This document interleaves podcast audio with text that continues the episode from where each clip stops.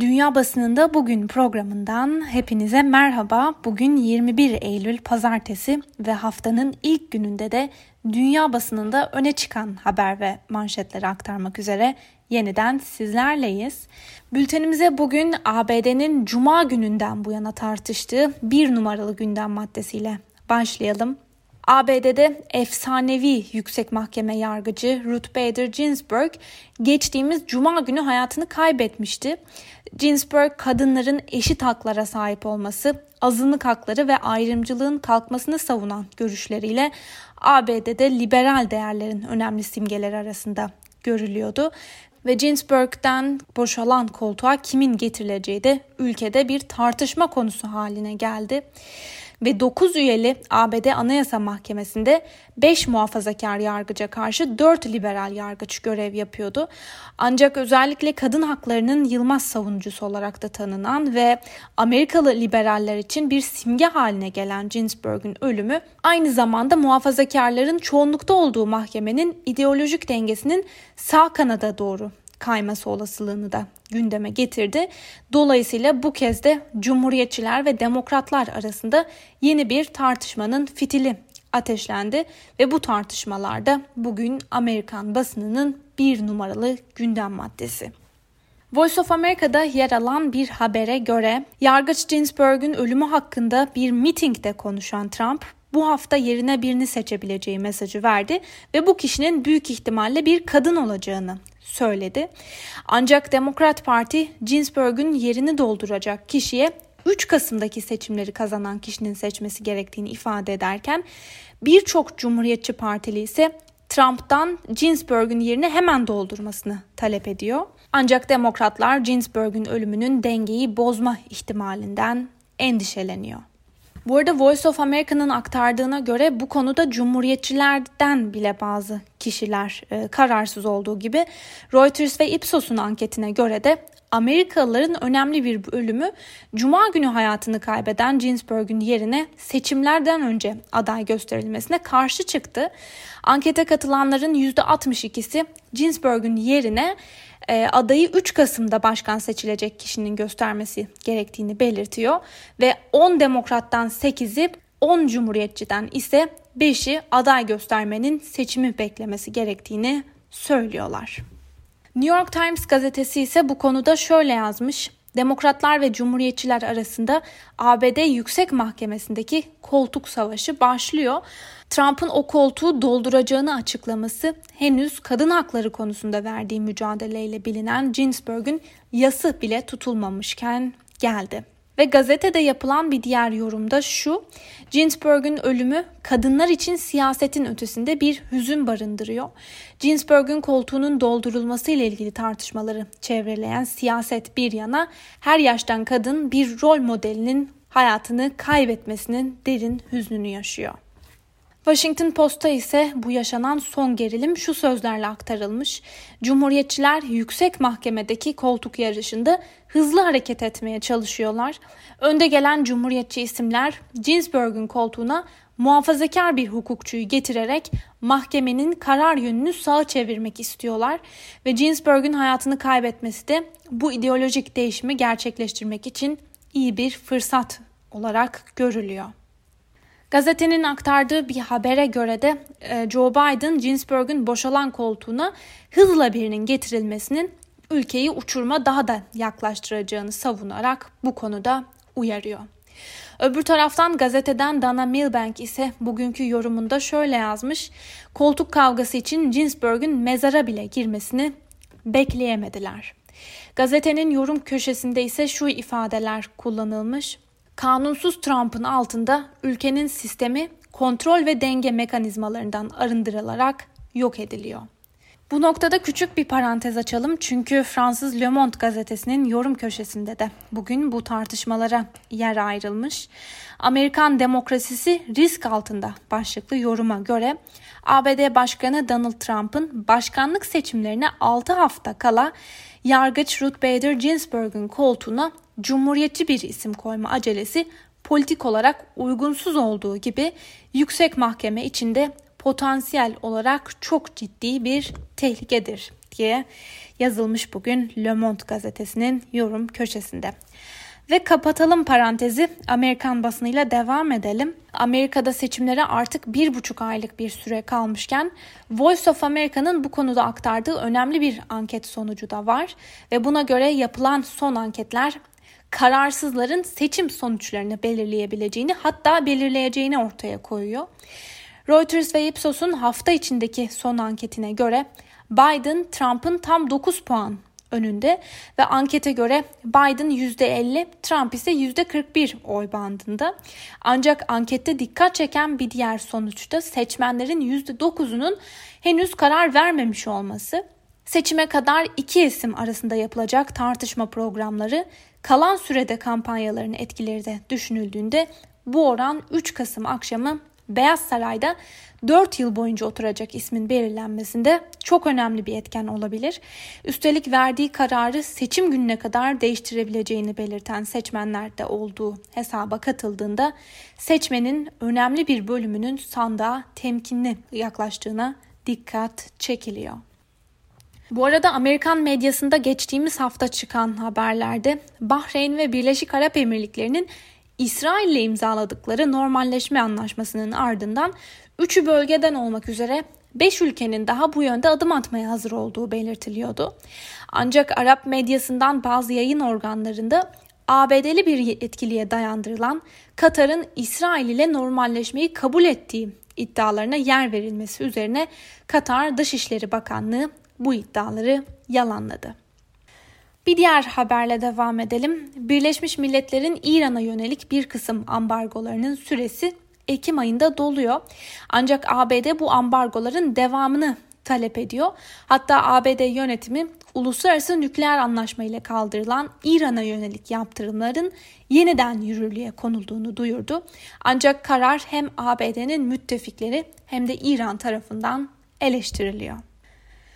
Peki İngiltere'de neler konuşuluyor diye soralım ve İngiliz basınına da göz atalım. Bugün Times'ın manşetinde ülkede artan vaka sayıları nedeniyle hükümetin 6 aylık zor bir dönemece girdiği konusunda uyarı niteliğinde bir haber var ülkenin karantina süreciyle karşı karşıya olduğunun yazıldığı haberde Boris Johnson'ın önümüzdeki günlerde yeni önlemler açıklanmasının beklendiğini belirtirken yeni alınacak önlemlerin ne kadar kapsamlı olması gerektiği konusunda bakanların ikiye bölündüğü de belirtiliyor.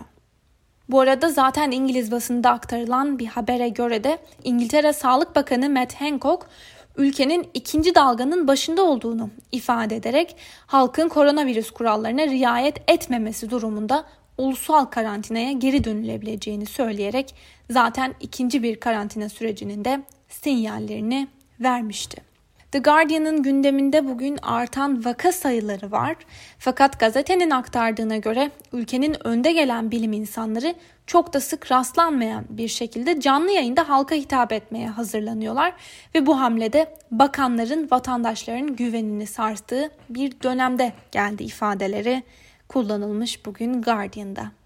Ve Financial Times'ın manşetinde ise salgında etkilenen, e, ekonomik olarak etkilenen şirketleri desteklemek amacıyla yürürlüğe konan kredi ve destek paketleri var.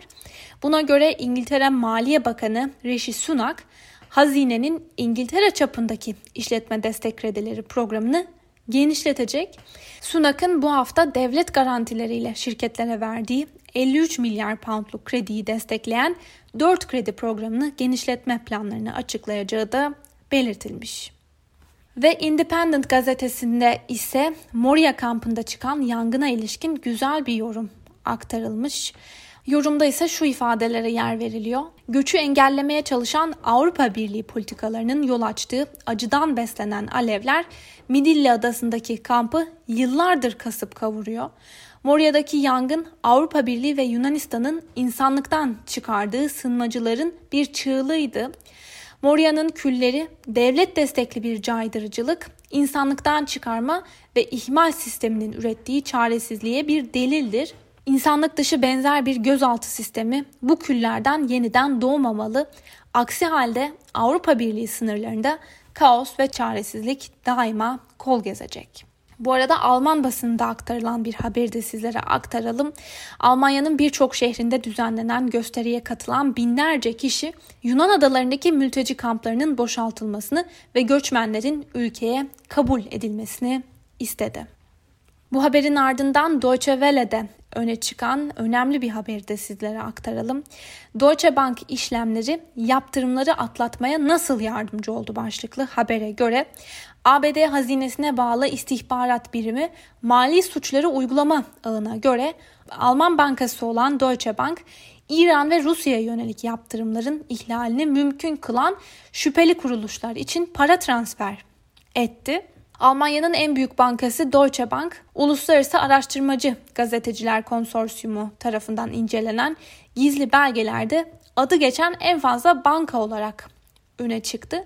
Öbür taraftan İngiliz bankalarından biri olan Standard Chartered ise Reza Zarrab ve ağı için 2007-2016 yılları arasında toplamı 5.8 milyar doları aşan bir para transferi yaptı ve transferler Zarrab ABD'de tutukluyken de devam etti.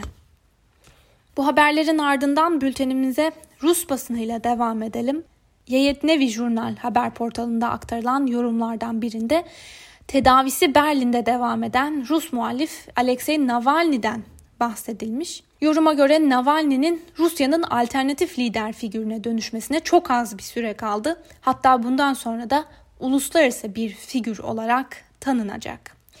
Bu arada Kremlin'e yakın internet gazetelerinden biri olan RIA Novosti'ye göre Navalny'nin Rusya'ya geri dönme planları aslında onu zehirleyerek suikast tezinin tutarsız olduğunu kanıtladı. Rus basınından Moscow Times'ın gündeminde Belarus'ta bu hafta sonunda da devam eden protestolar var.